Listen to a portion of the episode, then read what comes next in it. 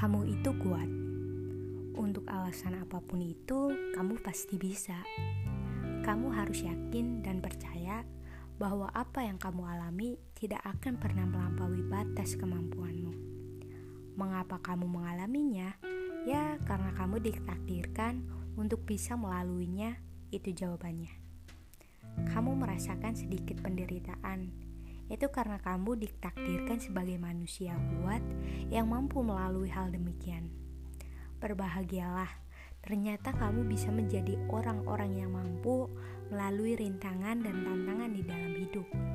Karena kamu istimewa, bisa diberikan cobaan hidup yang barangkali tidak dilalui atau bahkan tak mampu dilalui oleh orang lain. Setidaknya, kali ini kamu mampu melaluinya. Kamu hanya butuh kuat Jangan pikirkan hal lain. Jangan pikirkan bagaimana kamu bisa kuat. Jangan pikirkan bagaimana hasilnya nanti. Setidaknya, berpikirlah bahwa kamu mampu melewatinya. Kamu kuat, kamu bisa. Jika bukan kamu yang memberikan kalimat tersebut, setidaknya siapa lagi?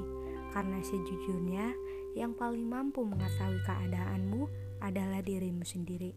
Maka dari itu, biarkan dirimu sendiri yang pertama memberikan kata semangat itu. Jangan malas baliknya, mengeluh, overthinkingan, gak percaya diri, atau bahkan mundur sebelum memulai.